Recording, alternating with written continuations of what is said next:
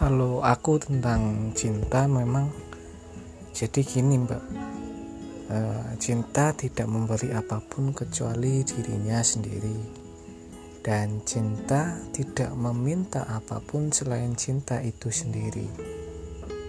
Ia tidak memiliki dan tidak dimiliki karena cinta telah cukup bagi cinta.